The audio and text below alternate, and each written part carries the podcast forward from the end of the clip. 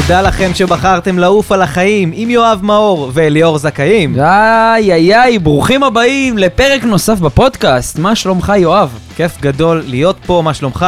וואו, איזה יום מלא אנרגיות. יום שלישי בשבוע, יום כיף. הם בטח שומעים את זה ברביעי או בחמישי. אז uh, ברוכים הבאים לפרק נוסף, פרק 36. 36 פרקים. ל"ו. יש לנו היום הרבה על מה לדבר, אז אנחנו לא, אתה יודע, חפירות, עניינים, נשמור משמעית. את הדברים האלה לסוף, אבל בקצרה, אם אה, מישהו נחת בפעם הראשונה בפודקאסט הזה על הפרק הזה, אז בוא נספר להם מי אנחנו. אליאור, ספר מי אתה. אז נעים מאוד למי שמכיר ונעים מאוד למי שלא מכיר. אליאור זכאים, הבעלים של קבוצת זכאים שמונה מספר עסקים, ביניהם ספינת הדגל, החברה שבעצם מכשירה עשרות, כבר עשרות אלפי צעירים, בעיקר אה, בעולם הפיננסים, על התנהלות כלכלית, חופש כלכלי, יציבות כלכלית ובעיקר לא לדאוג מכסף. שותף אה, גאה בהקמת וייסוד פודקאסט עפים על החיים. ומי שבטעות נחת ממאדים ולא מכיר את יואב מאור, אז יואב, תן לנו, מי אתה? נעים מאוד, יואב מאור, שותף ומייסד משרד הפרסום פרפל, שותף במספר עסקים, ומרצה להתפתחות אישית. היידה, איזה כיף. טוב, יאללה, מה, מה הולך לנו, בפרק? אז הקרוב. הפרק היום, אנחנו ככה נצלול היום ישר לעניינים.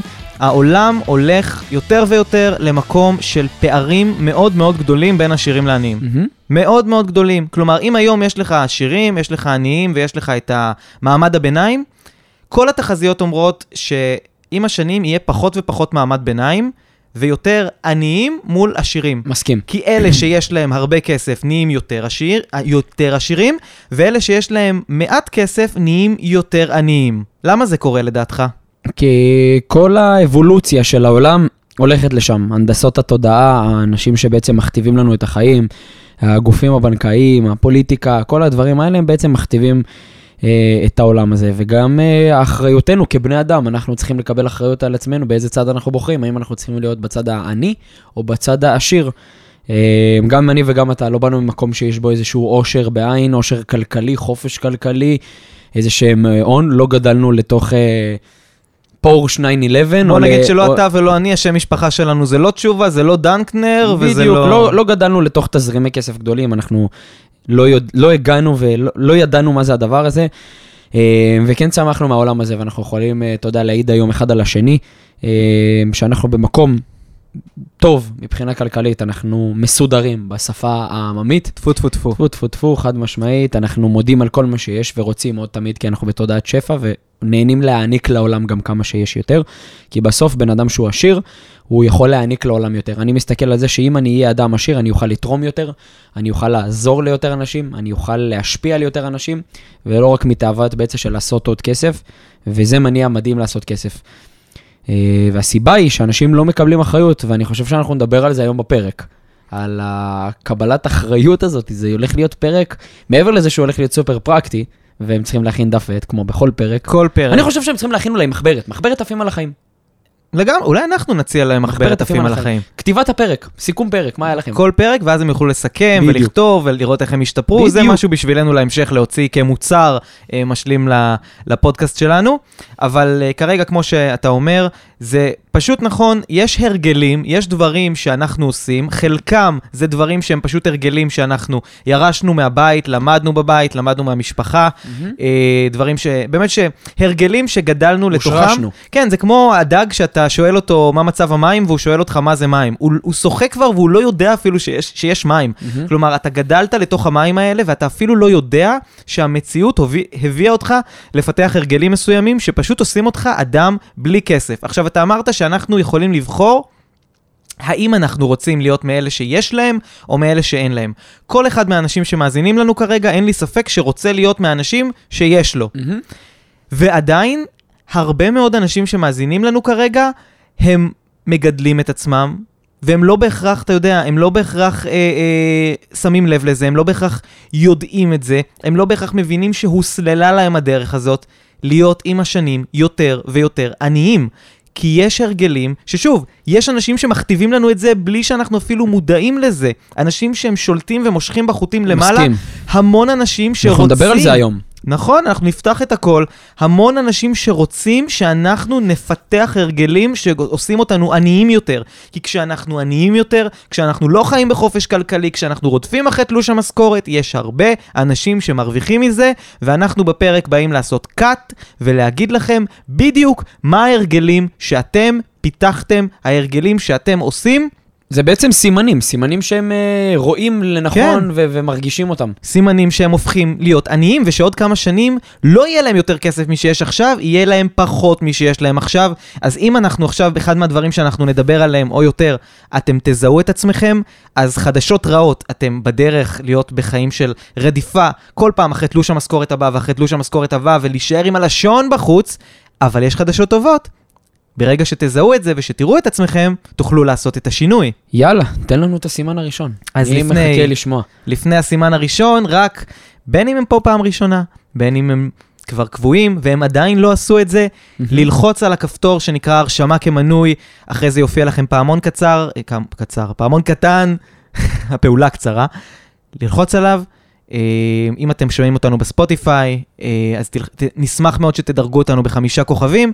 זה יעזור לנו מאוד להשפיע על הרבה מאוד אנשים, לגמרי. ולהיות מדורגים במקומות הגבוהים, במטרה לעזור לכמה שיותר אנשים, לכמה שיותר סביבה, ולהעצים את משפחת עפים על החיים, כי אתם חלק ממנה.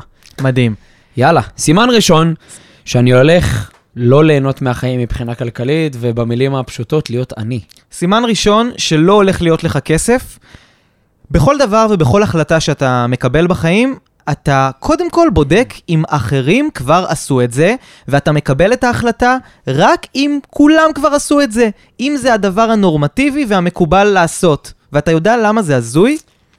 כי אם היית יוצא לרחוב ורואה את כולם עשירים וחיים בחופש כלכלי, כנראה מה שכולם עושים זה הדבר הנכון. אבל אם אתה תצא עכשיו לרחוב, רוב האנשים הם שוחים בכסף או שהם במינוס ובהלוואות? שלא נדע. שבאמת שלא נדע. מרגיש את זה קרוב לליבי, את כל, ה... את כל מעמד הביניים, שאנחנו מעצימים אותם. אבל כן, בסוף זה פוגש אותנו. 99, 99% מסך אוכלוסיית מדינת ישראל לא מרוצים מהבחינה הכלכלית שלהם. לא מרוצים. לא. ועדיין, אם עכשיו בן אדם אומר, רגע, לפתוח עסק, אז הוא מסתכל לראות האם אנשים שהוא מכיר כבר פתחו עסק, האם רוב האנשים פותחים עסק, או בן אדם עכשיו רוצה, יש לו איזשהו רעיון, אז הוא בודק אם אנשים כבר עשו את הרעיון הזה, ואז הוא רואה שזה עוד לא קיים. ובמקום להסתער על האפשרות לעשות משהו חדש ולשנות את העולם ולצאת לחיים של מגה חופש כלכלי, הוא יורד מהרעיון כי הוא אומר לעצמו, אה, אם אף אחד לא עשה את זה, כנראה שזה לא טוב, כי אם זה היה טוב, אחרים כבר היו עושים את זה. אנשים לא מבינים שהדרך להיות יזם, הדרך לעשות כסף, הדרך לשנות את העולם, זה לעשות דברים וללכת במסלול שאחרים לא הולכים. ובמקום זה, עושים את התואר, עושים את הטיול אחרי צבא, עושים את החתונה, לפעמים גם עם בן אדם שאתה לא כזה אוהב, אבל אתה צריך כבר להתחתן, עושים את השלושה ארבעה ילדים, כי צריך, לא, אין כסף בכלל לגדל אותם עדיין. צריך, צריך, צריך. אם בחרתם חיים שכולם עושים, ברכותיי, הבאתם על עצמכם חיים של הרבה מאוד סבל ומעט מאוד רוגע כלכלי, מה שנקרא בהצלחה. כן, צריך לדעת, אבל בסדר, זה היופי, הם לוקחים פה, לוקחים מפה כלים, מה, לא, מה לא לעשות בצורה הטובה ביותר, וכמובן, אלו הדעות האישיות שלנו, וככה אנחנו חיים, ו, ו, ובסופו של דבר, ילדים, לא ילדים, כמו שאמרת, אני, אני אחזק רק את הטענה שלי, אמרת משהו נכון, אה, הם עושים מה שצריך, ולא מה שהם רוצים. מה שצריך, מה שצריך מה- מה חברתית. הסטטוס? מה, מה הגיל שלך? אתה בן אה, 35, אוקיי, למה אין עוד חתונה? למה... הכל, הכל מסוסתם לפי סטטוסים. אדם צריך לעשות גם מה שהוא מרגיש לנכון ומה שמתאפשר לו כרגע, ולא רק מה שהסביבה הכתיבה לו, ואני לגמרי מחזק את מה שאתה אומר. אה, אז בפן הזה, אני, אני בפן הכלכלי, אני רואה סימן מאוד חזק שבן אדם הולך להיות מרוסק כלכלית, זה שהוא ממשיך לגרום לבנק להתעשר על חשבון הגב שלו. מה זה אומר? אני, אני אגיד פה את זה חד וחלק, אדם שממשיך להשאיר את הכסף שלו כל הזמן בבנק, משנה לשנה, לדעתי, אין לו זכות להתלונן על יוקר המחיה. דברים קשים אתה אומר פה. נכון, ואני אני אפשט גם. רוב האנשים שמים את הכסף שלהם בבנק. דברים קשים אני אפשט. אם אני נותן לבנק X כלשהו כסף, מה הפעולה שבעצם אני עושה? אני גורם לבנק להמשיך להתעשר על חשבון הגב שלי. הרי מה הבנק הפעולה שלו עושה? בנק מתווך ביני לבין אנשים שצריכים הלוואות, לוקח את הכסף שלי, מעביר אותם אליהם, גוזר ריבית. הבנק ממשיך להתקיים ולהתעשר ולהתעשר ולהתעשר. מעלים את הריביות כל הזמן, גורמים ליוקר מחיה להמשיך להיות פה, ואני בסוף דופק את עצמי. אז אדם שמשאיר את הכסף שלו בבנק, אין לו זכות להתלונן על יוקר המחיה, כי יוקר המחיה תמיד יהיה פה. יוקר המחיה תמיד יהיה פה. הוא, הוא, הוא, בא, הוא פה בשביל לחיות, הוא פה בשביל להיות. זה לא שיום אחד יהיה הוזלת המחיה, או יהיה פה זול לחיות. כי אם יהיה פה זול לחיות, אנשים יקנו, ואז עוד פעם יהיה יקר. יוקר המחיה כאן בשביל להישאר ורק להתעצם משנה לשנה. אז אם אני לא אלמד איך לדאוג לחיים האישיים שלי, איך לדאוג למשפחה שלי, לעתיד של הילדים שלי, לעתיד של בת הזוג שלי, whatever, אף אחד לא יעשה את זה עבורי, וגם אני מחבל לעצמי בזמן שאני גורם לאנשים אחרים להתעשר על חשבון הגב שלי. אז, אז, אז קחו את זה מכאן, כן, חד וחלק, יואב, חד וחלק. אדם ששם את הכסף שלו כל הזמן בבנק, ולא מוכן באמת לשחרר ולהתפתח את זה על עצמו, בין אם זה לא משנה מה, בין אם זה לפתוח יוטיוב וללמוד מה לעשות עם הכסף, אין לו סיבה להתלונן על יוקר מחיה. אז מה הוא כן צריך לעשות אם לא לשים את הכסף בבנק? או, ללמוד. ללמוד, להעשיר את הידע. המון, אתה יודע כמה פעמים שואלים אותי? יש לי 10,000 שקל, מה לעשות? קח 10,000, שים הכל על המוח. המוח ידע לייצר כסף, כי ידע חדש מניב דברים טובים. ידע חדש מניב... גם אם זה לא יקרה באותו יום. ידע חדש יכול לעזור לך לאורך כל החיים בלי ששמת לב. מדהים. כמו אנרגיה. מדהים. אנרגיה חדשה עוזרת לך ב- ביום-יום. תקשיב, זה... וואו, תקשיב, זה מפוצץ את המוח מה שאתה אומר. כי אם יש לי עכשיו 10,000 שקל, 20,000 שקל, ואני יכול לבחור בין אם לחסוך אותם בבנק, או להשקיע באיזשהו, ללמוד איזשהו תחום חדש, או אה, לרכוש השכלה פיננסית, Mhm. ללכת, ל, נגיד, לסדנאות כמו שלך למשל. כלומר, אוקיי. אני יוצא עם ידע, עם כלים, שיעזרו לי כל החיים, ולא משנה, מצב כלכלי, לא מצב כלכלי, התרסקות של הבורסה, התרסקות של הנדל"ן, בלה בלה בלה, כל הדברים שיכולים לקרות, כל האסונות, הידע נשאר איתי. ברור. וזאת ההשקעה הכי טובה, כי תמיד היא מביאה תשואה חיובית for good. אני אגיד לך גם יותר מזה. כל בוגר סדנה שמגיע אלינו, אני לא מסתכל על זה שהוא בא אלינו. אני מסתכל על זה שהוא גם משריש את זה לילדים שלו. כי הוא קיבל ידע חדש, שאת אותו ידע הוא יעביר לילדים. ואז הילדים קיבלו פתאום חיים אחרים, כי הם קיבלו ידע חדש.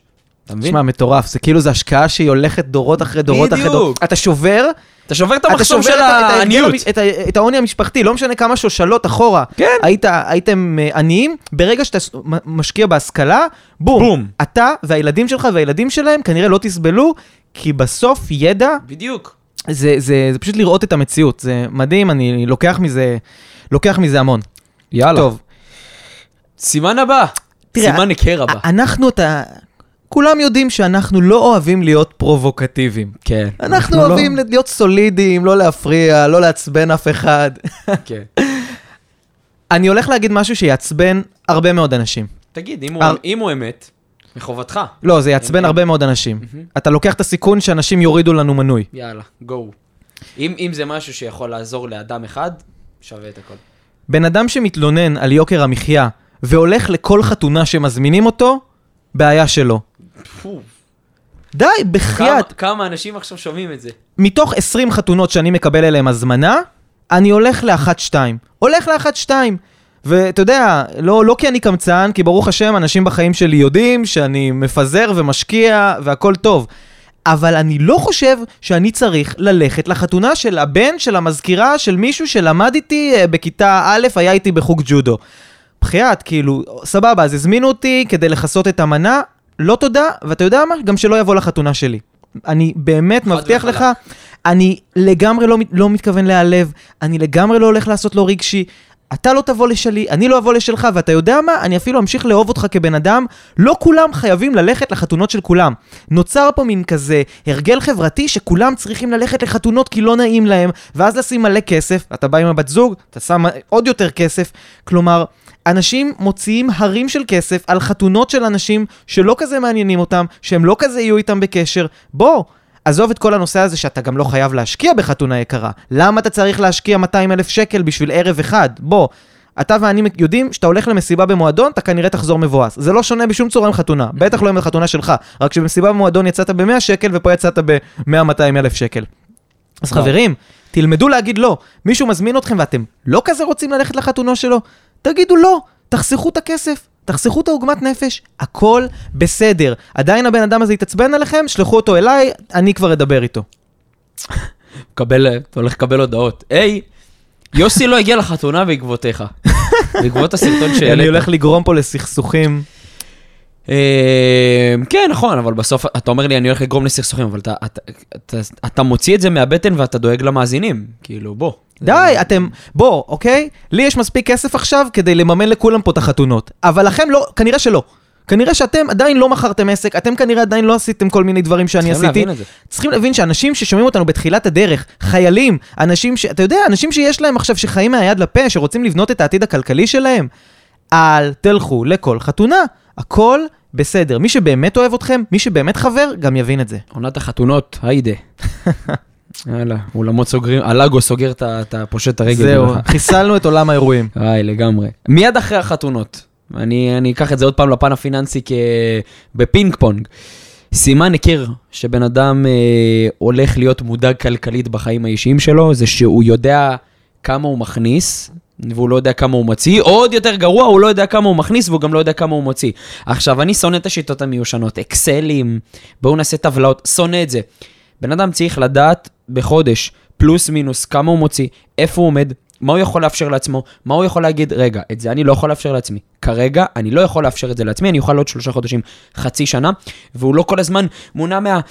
יואו, אני אפספס את זה. אני אפספס את הקנייה הזאת, אני אפספס את ההנחה הזאת עכשיו, אני אפספס את הזה, אני אפספס את היציאה הזאת עם החברים. שחררו לחץ, אתם דואגים לעתיד הכלכלי שלכם. אתם דואגים ובונים יציבות שתקנה לכם כל כך הרבה שקט בהמשך, שעכשיו אולי אתם אה, מרגישים פספוס כלשהו על איזה הנחה, על איזה פריט או על איזה משהו, אבל אתם בלונג טרם, בטווח הארוך, אתם תגידו לעצמכם כל הזמן תודה. תעמדו מול הפחד בעיניים, תסתכלו עליו ותבדקו כמה אתם מוציאים בחודש. ואם אתם לא מרוצים מכמות ההכנסה שלכם, שפרו זאת. אפשר לעשות את זה במיליון דרכים. אפשר להוסיף שעות בעבודה, אפשר להחליף מקום עבודה, אפשר לפתוח תחביב משלכם שיהפוך לעסק, אפשר לעשות מיליון ואחד דברים. אבל אדם שרוצה לדאוג מכסף כל החיים, פשוט שיברח כל פעם מלהסתכל על הכנסות תוצאות, שיברח מזה. זה שיטה קלאסית. לא, לא, ל- לברוח. לעצום עיניים, לא, לא להסתכל... לסחוב, אני קורא לזה לסחוב. זה, אתה סוחב את החיים, השוטף שוטף אותך. כן. לא, לא צריך לדעת כמה אתה מכניס, כמה אתה מוציא. אליאור, אתה ואני אנשים ש... אתה יודע, יש הרבה דברים שאנחנו לא, אנחנו אולי לא אה, כדורסלנים או קפטנים של... אנחנו אה, לא משחקים במונדיאל עכשיו. כן, אנחנו לא משחקים, אבל יש משהו שאנחנו כן, ואנחנו יודעים לעשות כסף. ואתה, אם עכשיו אני שואל אותך, כמה הכנסת החודש, אתה יודע להגיד לי על השקל, נכון? וגם כמה הוצאת. כנ"ל אני. תבינו, כל פעם שאתם נמנעים מלראות את מצב החשבון שלכם, כמה אתם מכניסים, כמה אתם מוציאים, או כי לא נעים לראות, או כי, או כי לא מספיק הכנסתם, או כי יותר מדי הוצאתם ואתם יודעים שזה יציק לכם לראות את זה, אתם עוד יותר עוצמים עיניים למציאות, אתם לא מתמודדים עם הבעיה, ואין שום סיכוי שתפתרו אותה. זה לא. ישתפר מפה. אני מסתכל על זה ככה, לא לטפל בפן הפיננסי שלי היום, בהכנסות, הוצאות, בהשקעות, לא לטפל בזה, יהרוס לי הרבה יותר ב- לאורך זמן. בטח. כי כשיהיה לי ילד, שניים, שלושה, חמישה, עשרה, לא משנה מה, כמה כל אדם מתכנן, אני אפגע בהם. ואני אשריש בהם גם את התודעה הזאת שכל הזמן להדחיק ולפחד. נכון, זה לא פשוט. צריך פעם אחת להסתכל לזה בעיניים. פעם אחת להבין איפה אני עומד, מה אני יכול, מה אני יכול לאפשר לעצמי, מה אני לא יכול לאפשר לעצמי, מה אני צריך לעשות כרגע וכמה אני צריך להשקיע בעצמי, ובום, לפתור את זה. תשמע, אני, זה, אני אתן דוגמה שהיא דוגמה קשה. קשה, אבל כש... אתה באת היום קשה. אבל תראה, זה נושא קשה. עוני זה נושא קשה. ועדיף שהם ישמעו את זה עכשיו מאשר שהם יתמודדו עם זה כש, כשהם כבר בתוך הבעיה. מה אומרים על, אה, על סרטן? על המחלה הכי קשה? שגילוי מוקדם מציל חיים. אותו דבר עם הרגלים לא נכונים פיננסית. גילוי מוקדם. גילוי מוקדם שאתם מתנהלים לא נכון, גילוי מוקדם שאתם מוציאים יותר ממה שאתם מכניסים, מציל חיים. כי עם גידול, כשאתה רואה אותו כשהוא קטן, אתה יכול לקטוע אותו ולהציל לעצמך את החיים ולהרוויח שנים של, של שקט ושל בריאות.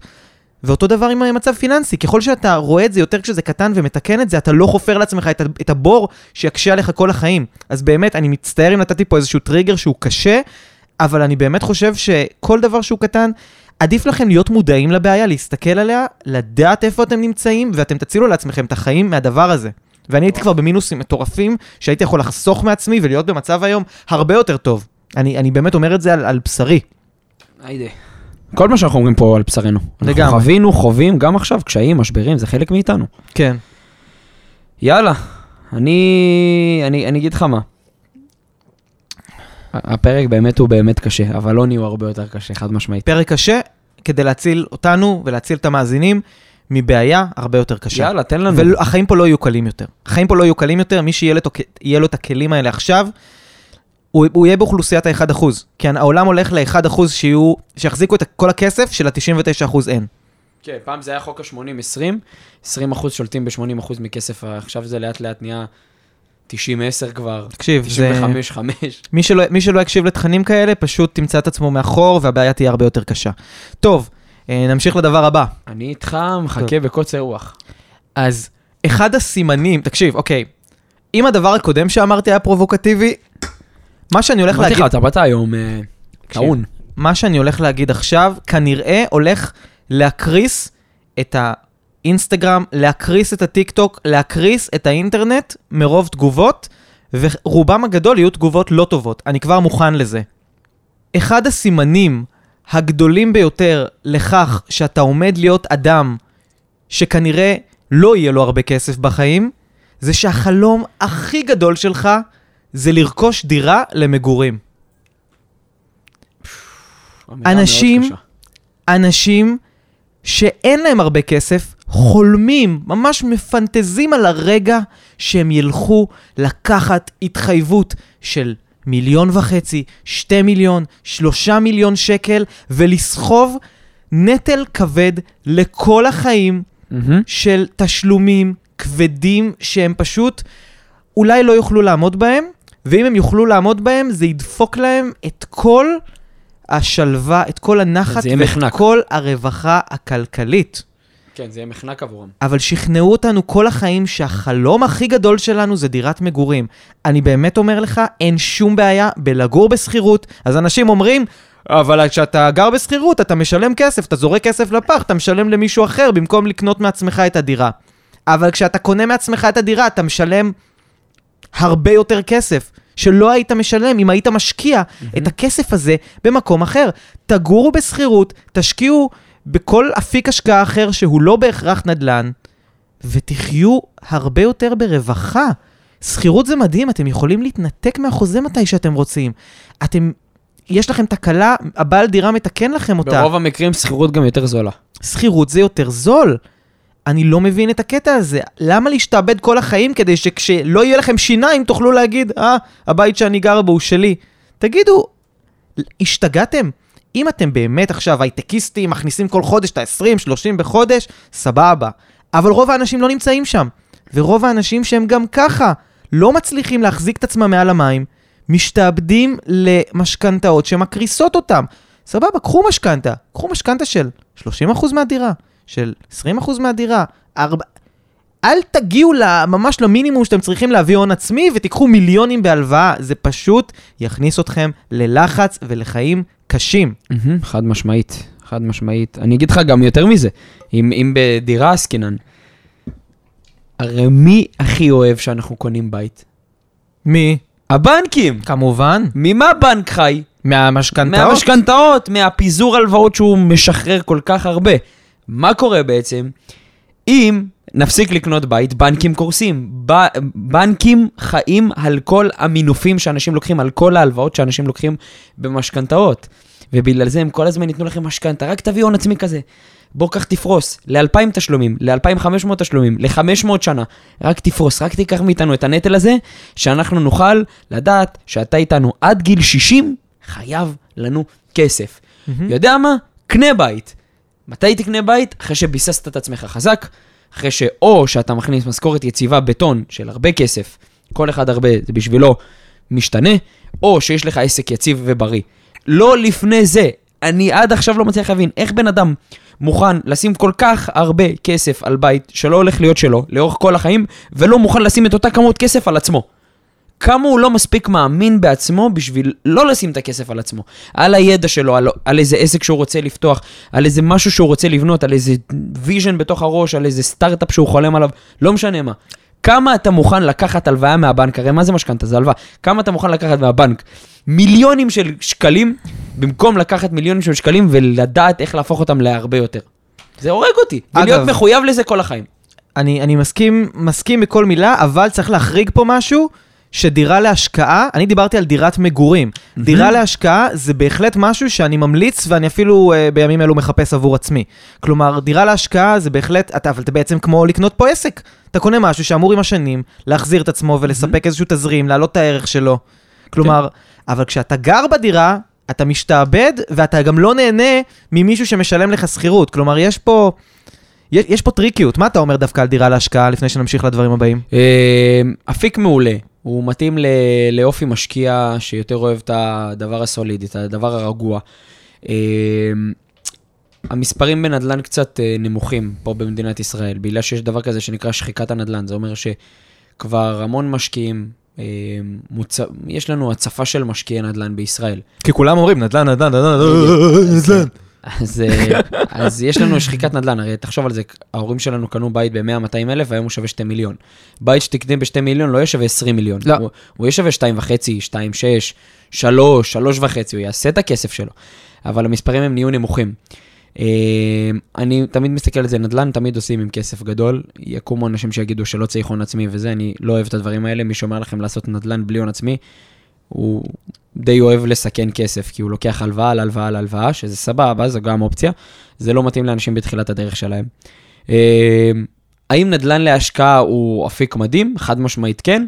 ואתה יודע, אני אף פעם לא מסתכל, זה או זה או זה. זה גם זה וגם זה וגם זה וגם זה וגם זה. זהו, אבל אנחנו דיברנו פה, אם אתם עכשיו אנשים שקונים נדל"ן להשקעה, אתם כנראה לא בסימנים שאתם יודעים להיות עניים. בדוק, אין פה אתם לא שאלה. יודעים להיות עניים, אתם חושבים על העתיד הכלכלי שלכם. אתם, אתם מייצבים את עצמכם. בדיוק, אם אתם עושים את זה כי אתם חייבים לגור בבית שהוא שלכם, במקום להבין שלגור בשכירות זה הדבר הכי מדהים שיכול להיות בעולם.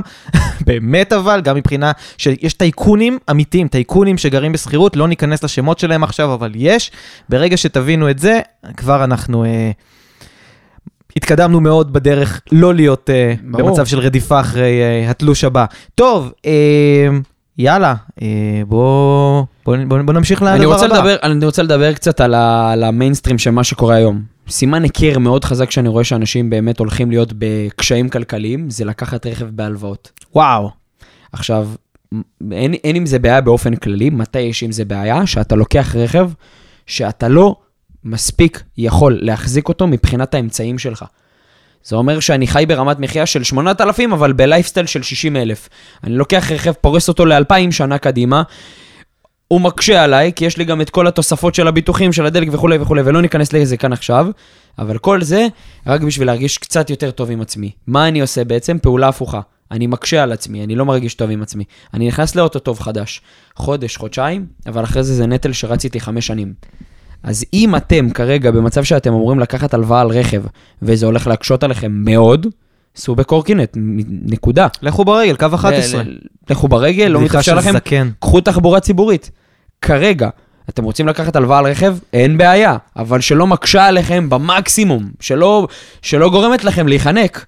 רבאק, אני רואה אנשים לוקחים הלוואות על רכבים, כאילו, זהו, מחר הם, כאילו, יאללה, יש מספיק כסף בעולם, בוא נשחרר, כי זה ויאללה סכום בלאגן. חודשי קטן, וזה סכום, אתה לא מרגיש אותו, אבל אתה לא מבין שבמצטבר גם קנית את הרכב בהרבה יותר כסף ממה שבאמת זה המחיר שלו.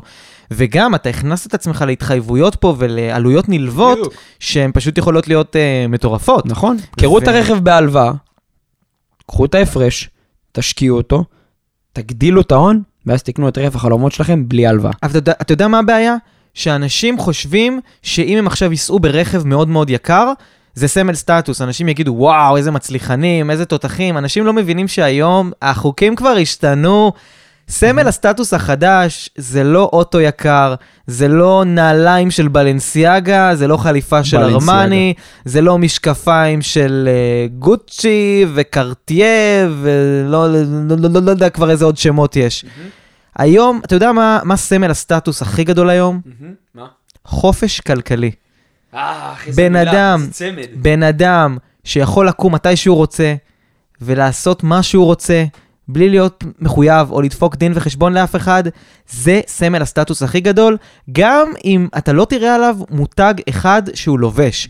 וזה מה שאנשים צריכים לשאוף עליו. שימו את הכסף, תחסכו אותו. שימו, יש לכם 100 אלף שקל, שימו אותם על השקעות, שימו על מניות, שימו על אפיקים אלטרנטיביים, שימו על קרנות סל, תעודות אג"ח, תעודות זיבי, אתה מכיר את המונחים יותר טוב ממני. אבל אל תשימו את זה בהכרח על סמלי סטטוס, תאמינו לי שנכון, אנשים לא יראו עליכם בעיניים אולי שאתם עשירים, אבל אתם תרגישו מה זה טוב לדעת שאתם באמת עשירים. ברור. רוב האנשים שבישראל נוסעים באיזה מרצדס, חיצונית הם מאושרים, פנימית הם מפוחדים. השתמשתי אה, במונחים נכונים, כל הדברים שזרקתי עכשיו, נכון? זה דברים כן, אני אמיתיים. זורם איתך. יאללה, אני מחכה לסימן היכר הבא. אנחנו מחכים, כולנו. טוב. אתה יודע, אני הולך פה מהקל אל הכבד, ועכשיו אני הולך להגיד אתה הולך משהו... מהכבד אל הכבד מאוד. מהכבד אל הכבד מאוד, כן. אני הולך להגיד משהו עכשיו. אתה יודע מה? אם יש בנות שמאזינות, תעבירו את הקטע הזה. אל די, תקשיבו. אל תקשיבו לי עכשיו, אני רוצה שיישארו איתי רק בנים. לא, אני רוצה שהם ילכו. יאללה. הם ילכו. בוא נדבר עד שהם, עד שכל הב... כדי להבריח את הבנות, בוא נדבר על מונדיאל. תקשיב, ראית? ערב הסעודית ניצחה עכשיו את אה, ארגנטינה. מטורף. אה, הם הלכו? טוב. בנים, אתם לא חייבים לשלם בכל דייט. אתם לא חייבים, אתם לא כאלה דון ז'ואנים. אתם לא... מילה קשה. אמירה קשה, אתם לא כאלה עשירים עדיין שאתם יכולים להרשות לעצמכם להזמין בכל דייט. אתם רוצים לצאת דון ז'ואנים, אתם רוצים לצאת עכשיו... מה אתם חושבים? מה, מה אתם חושבים? אוקיי, שתי אופציות. האופציה הראשונה, היא תתרגל שכל הקשר עכשיו זה קשר שאתם מחזיקים אותו פיננסית. מאוד מאוד בעייתי. ככה אתם תהיו היחידים שמפרנסים בקשר. דבר שני, זה שאתם משדרים משהו שאתם לא. אתה יודע מה? אם עכשיו הבן אדם באמת מרוויח סכומים אדירים, תשקיעו. אבל מי מקשיב לנו? בעיקר אנשים צעירים שעכשיו התחילו את החיים, חיילים, משוחררים, אנשים שאתה יודע שהפרוטה לא בהכרח תמיד מצויה בכיסם, והם רוצים זוגיות, כי כל בן אדם רוצה זוגיות, ורוצים להיות ביחד, ורוצים אהבה, והם חושבים שזה אומר שהם עכשיו צריכים לפרק את כל הכסף שלהם. דייט ראשון, סבבה, דייט שני, אחלה, דייט שלישי, ס... באיזשהו שלב בדייט העשירי וה-11 וה-12 היא גם צריכה להשתתף. היא צריכה להשתתף, כי קשר זה דבר הדדי, והדדי זה גם במובן הכלכלי. צר לי להגיד לכם, אתם, או יותר נכון, אני שמח להגיד לכם, זה לא חייב להיות נטל עליכם. ואם אין לכם כסף, סבבה, אתם לא חייבים uh, תמיד לצאת לדייט. תגידו לה, בואי נעשה היום משהו בבית. אם היא באמת אוהבת אתכם, ואם היא באמת האחת בשבילכם, היא תזרום, היא תגיד, וואלה, חבל על הזמן, בכיף, גם אני האמת חושבת לעשות משהו אינטימי בבית, לא חייבים לצאת כל הזמן. לי הייתה בת זוג שכשאמרתי לה שלא נוכל לצאת הערב למסעדת יוקרה כש- כי אין לי כסף, זה היה לפני הרבה שנים, היא רבה איתי. ואז הבנתי שהיא לא אחת. אז אל תמשכו את זה. תציבו עכשיו את האולטימטום. תגידו עכשיו, תקשיבי, אני בתקופה עכשיו קצת קצרה עם כסף, תראו איך היא מגיבה. זה חשוב מאוד כי אם היא מגיבה בטוב, כנראה שהיא באמת האחת בשבילכם. אבל אם אתם רואים שהיא שם רק בשביל הכסף, תברחו חברים, זה לא יכניס אתכם למקום טוב, ואתם כל החיים תמצאו את עצמכם כנראה רודפים אחרי השקל הבא, ואולי אפילו, אני אוהב את זה, גרוש בלי גרוש. חזק. כן. יפה, אהבתי. מה, אתה לא מסכים? אני יודע, זה קשה. עכשיו הבנות יכולות לחזור, בוא נדבר על דבר- דברים שבנות אה, סבבה איתם. וואי, מטורף. אחי, פרקים של. גרו- גרוש בלי גרוש. איפה הבאת את זה? אה? איפה הבאת את- האמרה הזאת, גרוש בלי גרוש? גרו- גרוש בלי גרוש, זה ידוע. כן? טוב, אני לא... שלא נהיה גרושים, אחי. שלא נהיה גרושים ושתמיד נהיה עם גרושים. שתמיד יהיו לנו גרושים ושלא נהיה גרושים. גרושים, אמן. אני חייב, אני חייב לדבר פה משהו, אני רוצה שהם יצאו גם מהפרק הזה עם, עם סימן היכר מאוד מאוד חשוב, ו, ובמיוחד אני יודע שהרבה קהל צעיר שומע אותנו פה.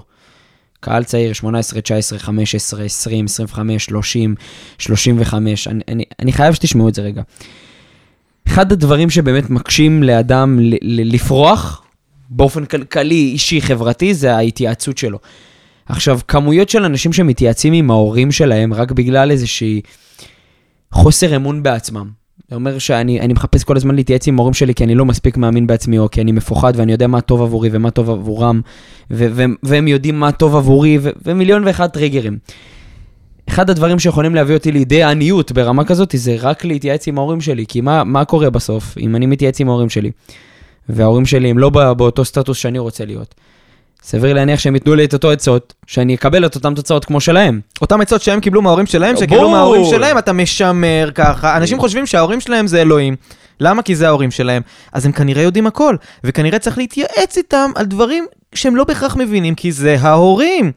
ואז אתה. משמר את העוני ואת הבערות. בנושאים מסוימים. עם מה אני אתייעץ עם ההורים שלי? על איך להביא ילדים. הביאו אותי לעולם, עשו עבודה מושלמת, תודה לאל.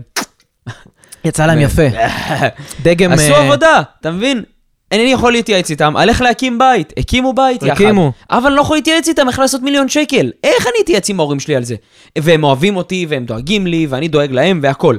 אבל איך אני יכול להתייעץ עם סנדלר, שבסופו של דבר אני רוצה לשאול איך עושים מיליון שקל? איך אני אתייעץ עם בן אדם שבונה עץ על איך לבנות אקווריום? איך אני יכול להתייעץ עם אנשים כאלה? אני איך? רק רוצה לתקן אותך שמייסד חברת אדידס התחיל כסנדלר, כתופר של נעליים, מטורף. ועשה הרבה כסף, אז אה, זה, זה סנדלר שדווקא אחלה להתייעץ איתו. לא, אני אגיד לך גם יותר מזה. יכול להיות שעד היום, הבעלים של אדידס, ויכול להיות שהוא צמח מזה שהוא היה טוב במה שהוא עושה, והקיף את עצמו בסביבה כל כך חזקה של מנהלים ומנהלי תפעול ומנכ"לים וסמנכ"לים ושיווק וכל הדברים האלה, והם הרימו אותו למשהו. לגמרי, אתה לא יכול להצליח אם אתה לא מביא עוד מוחות של אנשים חזקים, טובים, שיודעים מה הם עושים. ככה אני עושה בארגון שלי, ככה אני עושה. הנה, אתה טוב במה שאתה עושה. אבל אני לא עדיין. יודע הכל, ואני מביא אנשים חזקים שייתנו, יהפכו את האחד ועוד אחד ועוד אחד למיליון. כן, זה, זה משהו שהוא מאוד קשה לעשות את ההפרד ומשול עם ההתייעצות של ההורים, אבל זה משהו שהוא חייב להיות.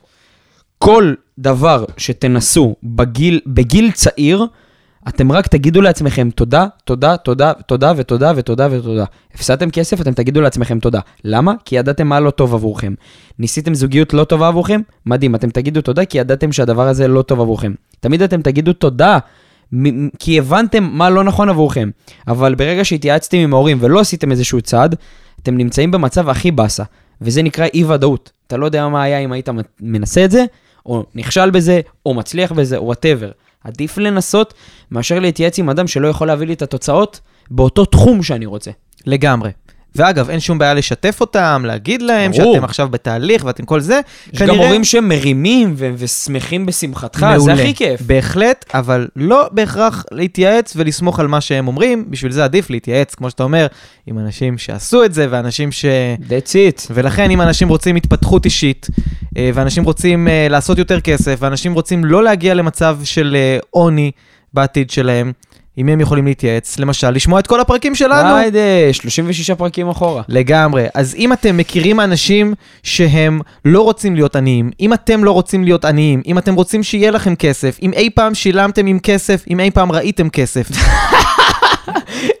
וגם אם לא, לעשות מנוי, ללחוץ על הפעמון, אם אתם ביוטיוב. לא, אבל ברצינות עכשיו, תחשוב כמה פעמים, אם, אם כל אחד ישלח את הפרק הזה למישהו אחר, תחשוב כמה, כמה הם יעזרו, הם יכפילו את העזרה. לא, אני אגיד לך מה. מה לא? יש מעט מאוד אנשים שהם נקראים growth mindset, כלומר שהמוח שלהם מכוון, שכשנותנים לך עצה או ששולחים לך פרק של פודקאסט ואומרים לך תקשיב זה יעזור לך, הם באמת יקשיבו. רוב האנשים, זה לא האנשים שמקשיבים לנו כרגע, נמצאים במצב של להגיד, אה כן סבבה אני אקשיב, אבל עמוק בפנים מה שהם חושבים זה, נו מה עכשיו מישהו יגיד לי איך לחיות, אני יודע מה הכי טוב בשבילי. מי שחושב אני יודע הכי טוב מה, מה טוב בשבילי ולא רוצה לשמוע עצות, זה אנשים שבוודאות גם יהיו עניים, גם ייכשלו בחיים, גם יעזבו מקומות עבודה מאוד מהר, כי הם לא באים להשתפר. כן, אני, אני קורא להם אנטיפטיים עם עצמם. יש להם איזה מעולה, עם עצמם כל הזמן. מעולה. ככל שבן אדם, כאילו, בין, איך, איך אתה יודע שבן אדם אוהב את עצמו ורוצה להוציא הכי טוב מהחיים שלו? כשאתה בא אליו עם ביקורת, הוא מקשיב ואומר, תודה, אני אפנים את זה, יש מצב שאתה באמת צודק ואני יכול ללמוד מהביקורת שלך. בן אדם שבא ומגונן על עצמו, זה בן אדם שהוא כל כך לא אוהב את עצמו, שאתה פתאום מציב לו מראה לראות משהו שהוא יודע, אבל מדחיק אותו כל כן. כך עמוק הוא בפנים. אנטיפטי עם עצמו, מאוד אנטי- קשה לו עם הטריגר הזה, זה אנטי- ממש, ממש. שתי, שתי דמויות בתוך הסיפור. זה, ממש, ממש ככה. זה פרק אחר. בגלל זה, אתם יודעים מה? אתם רוצים לבדוק אם יש לכם חבר כזה, שלחו לו פודקאסט שאתם אוהבים, ותגידו לו, תקשיב, זה יכול ללמד... לגמרי, את שלנו. זה... תקשיב, זה יכול ללמד אותך, אתה יכול... אה, מתוך אהבה, אני אוהב אותך, אני רוצה. שתוציא יותר מהחיים שלך, תשמע את זה. אם הבן אדם שמע את זה, אז יש לו mindset של גדילה, של התפתחות ושל באמת להצליח בחיים. אם הבן אדם לא שמע את זה, או מחפש סיבות למה לדחות את זה, או פשוט חושב שמנסים להגיד לו שמ- שמשהו בו לא בסדר, כנראה שבאמת הוא לא בן אדם שנמצא באוכלוסיית ה-1%, כמו אנשים שמאזינים לנו כרגע. וזה וואו. הזמן, הכי טוב, להודות לאנשים שאיתנו איזה כרגע. כיף. ה- החלוצי הדרך שלנו. טוב, אז אה, אנחנו, היום יש לנו תודה מיוחדת. תודה מיוחדת לענת, לענת הרפז. אה, תודה מיוחדת על ההודעה החמה, על כל הדברים, כמובן שאתם שולחים לנו מאות הודעות. אבל אה, היא שיתפה אותי גם במשהו אישי שהיא התקשתה איתו ואנחנו, הפודקאסט הזה עזר לה. אז איזה כיף, תודה ענקית. לענת הרפז ביקשה שממש נגיד, אז אנחנו נגיד את המשפט כמו שהוא.